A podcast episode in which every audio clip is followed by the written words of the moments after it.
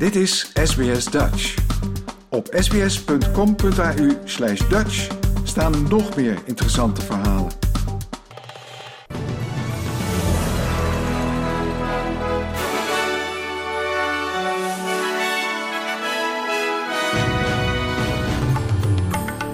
Dit zijn de headlines van het SBS Dutch nieuwsbulletin van woensdag 24 mei.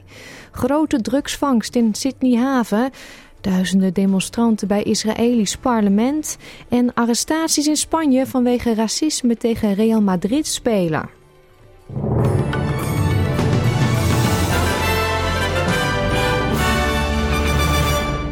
De definitieve versie van de referendumvraag over de Indigenous Voice to Parliament is vandaag opnieuw onderwerp van gesprek in het federale parlement. Het parlement zal stemmen over de definitieve formulering van de referendumvraag samen met de wijzigingen in de grondwet als het voorstel wordt aangenomen.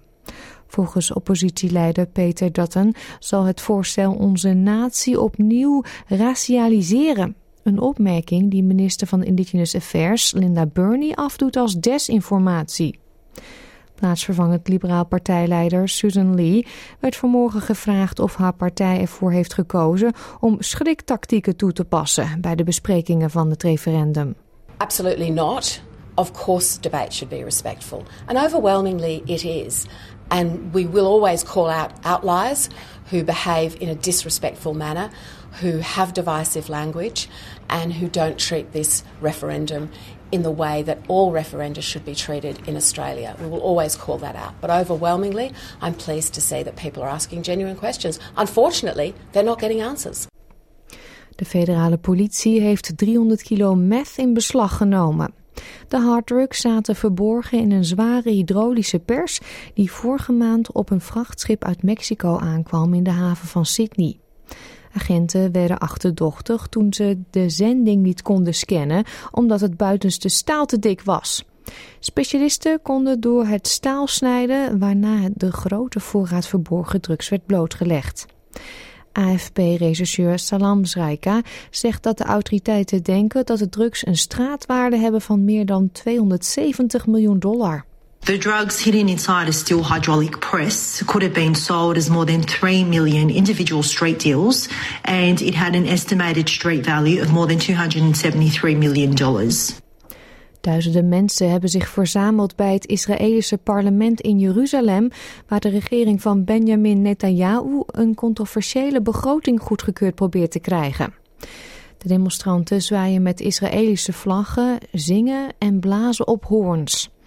De extreemrechtse regering heeft te kampen met een crisis in de kosten van levensonderhoud en de gevolgen van de nu opgeschorte gerechtelijke revisie, waardoor investeerders wegliepen en de vooruitzichten op economische groei in heel, Israël verminderden. De voorgestelde begroting ligt onder vuur omdat het 5,6 miljard Australische dollar toewijst aan discretionaire middelen, waarvan een groot deel gaat naar ultra-orthodoxe en pro-kolonistenpartijen.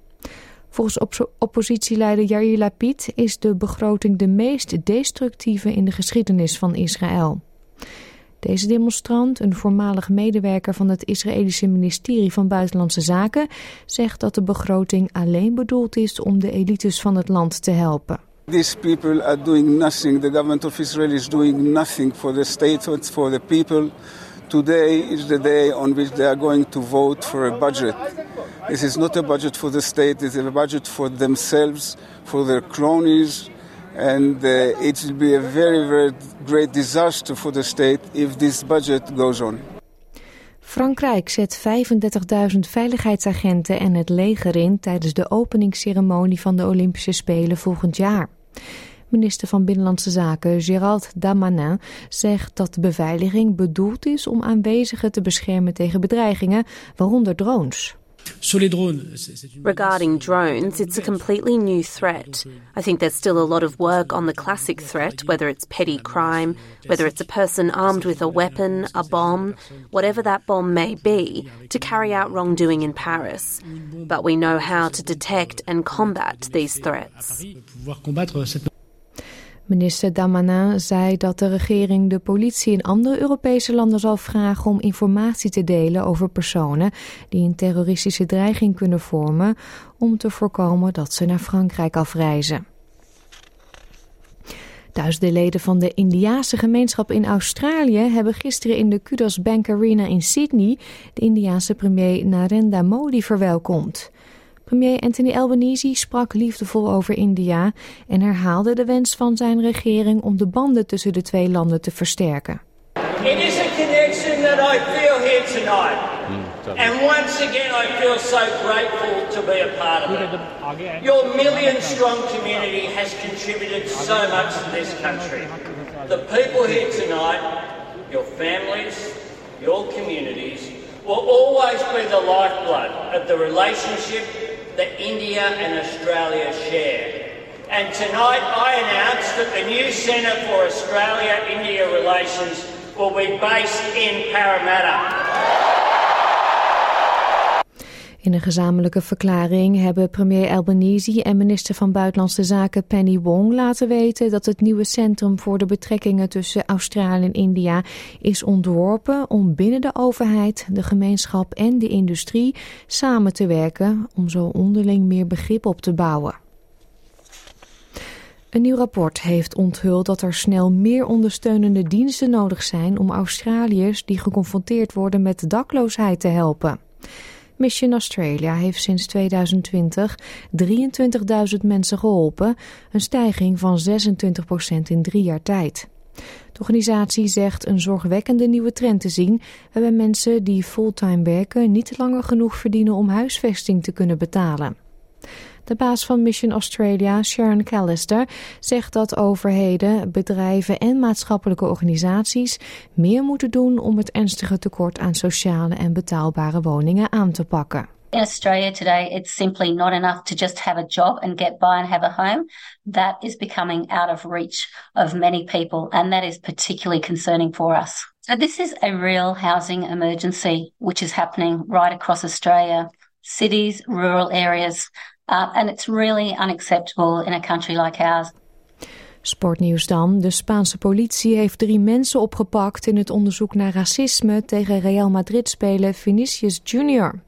De Braziliaan was zondag tijdens de wedstrijd in en tegen Valencia het onderwerp in racistische spreekkoren. De autoriteiten hebben ook vier anderen gearresteerd na een incident in januari, waarbij een pop met het shirt van Vinicius Jr. werd opgehangen aan een brug voor het trainingsveld van Real Madrid. De Spaanse eredivisie maakte in de afgelopen twee seizoenen tien keer melding van racisme tegen Vinicius Jr. Real Madrid-voorzitter Florentino Perez zegt dat de club racisme tegen zijn spelers niet tolereert.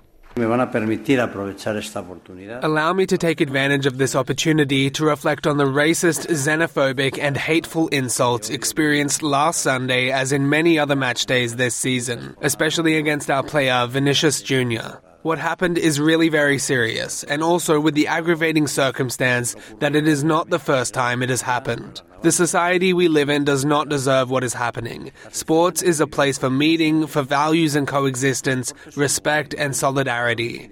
That is why I want to make it very clear that Real Madrid will not tolerate any more incidents and racial insults against any of our players.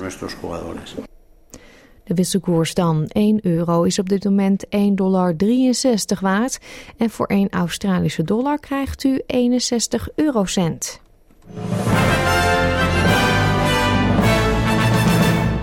Krijgt u nog het weerbericht voor vandaag. In Perth trekken een paar buien over en het wordt daar 21 graden. Het is overwegend zonnig in Adelaide 20. Melbourne gedeeltelijk bewolkt 17. Ook in Hobart is het vandaag gedeeltelijk bewolkt, maar een graadje warmer, 18. Voorstaande grond vanmorgen in Canberra. Verder is het gedeeltelijk bewolkt, 14. Het is zonnig in Wollongong, 19 graden. Ook zonneschijn in Sydney, 20. Ook in Newcastle laat de zon zich zien, 21. In Brisbane is het zonnig, 24. Er trekken buien over, Cairns 27 graden. Het is zonnig in Darwin, 31. En in Alice Springs schijnt de zon en wordt het maximaal 26 graden vandaag. Dit was het SBS Dutch Nieuws.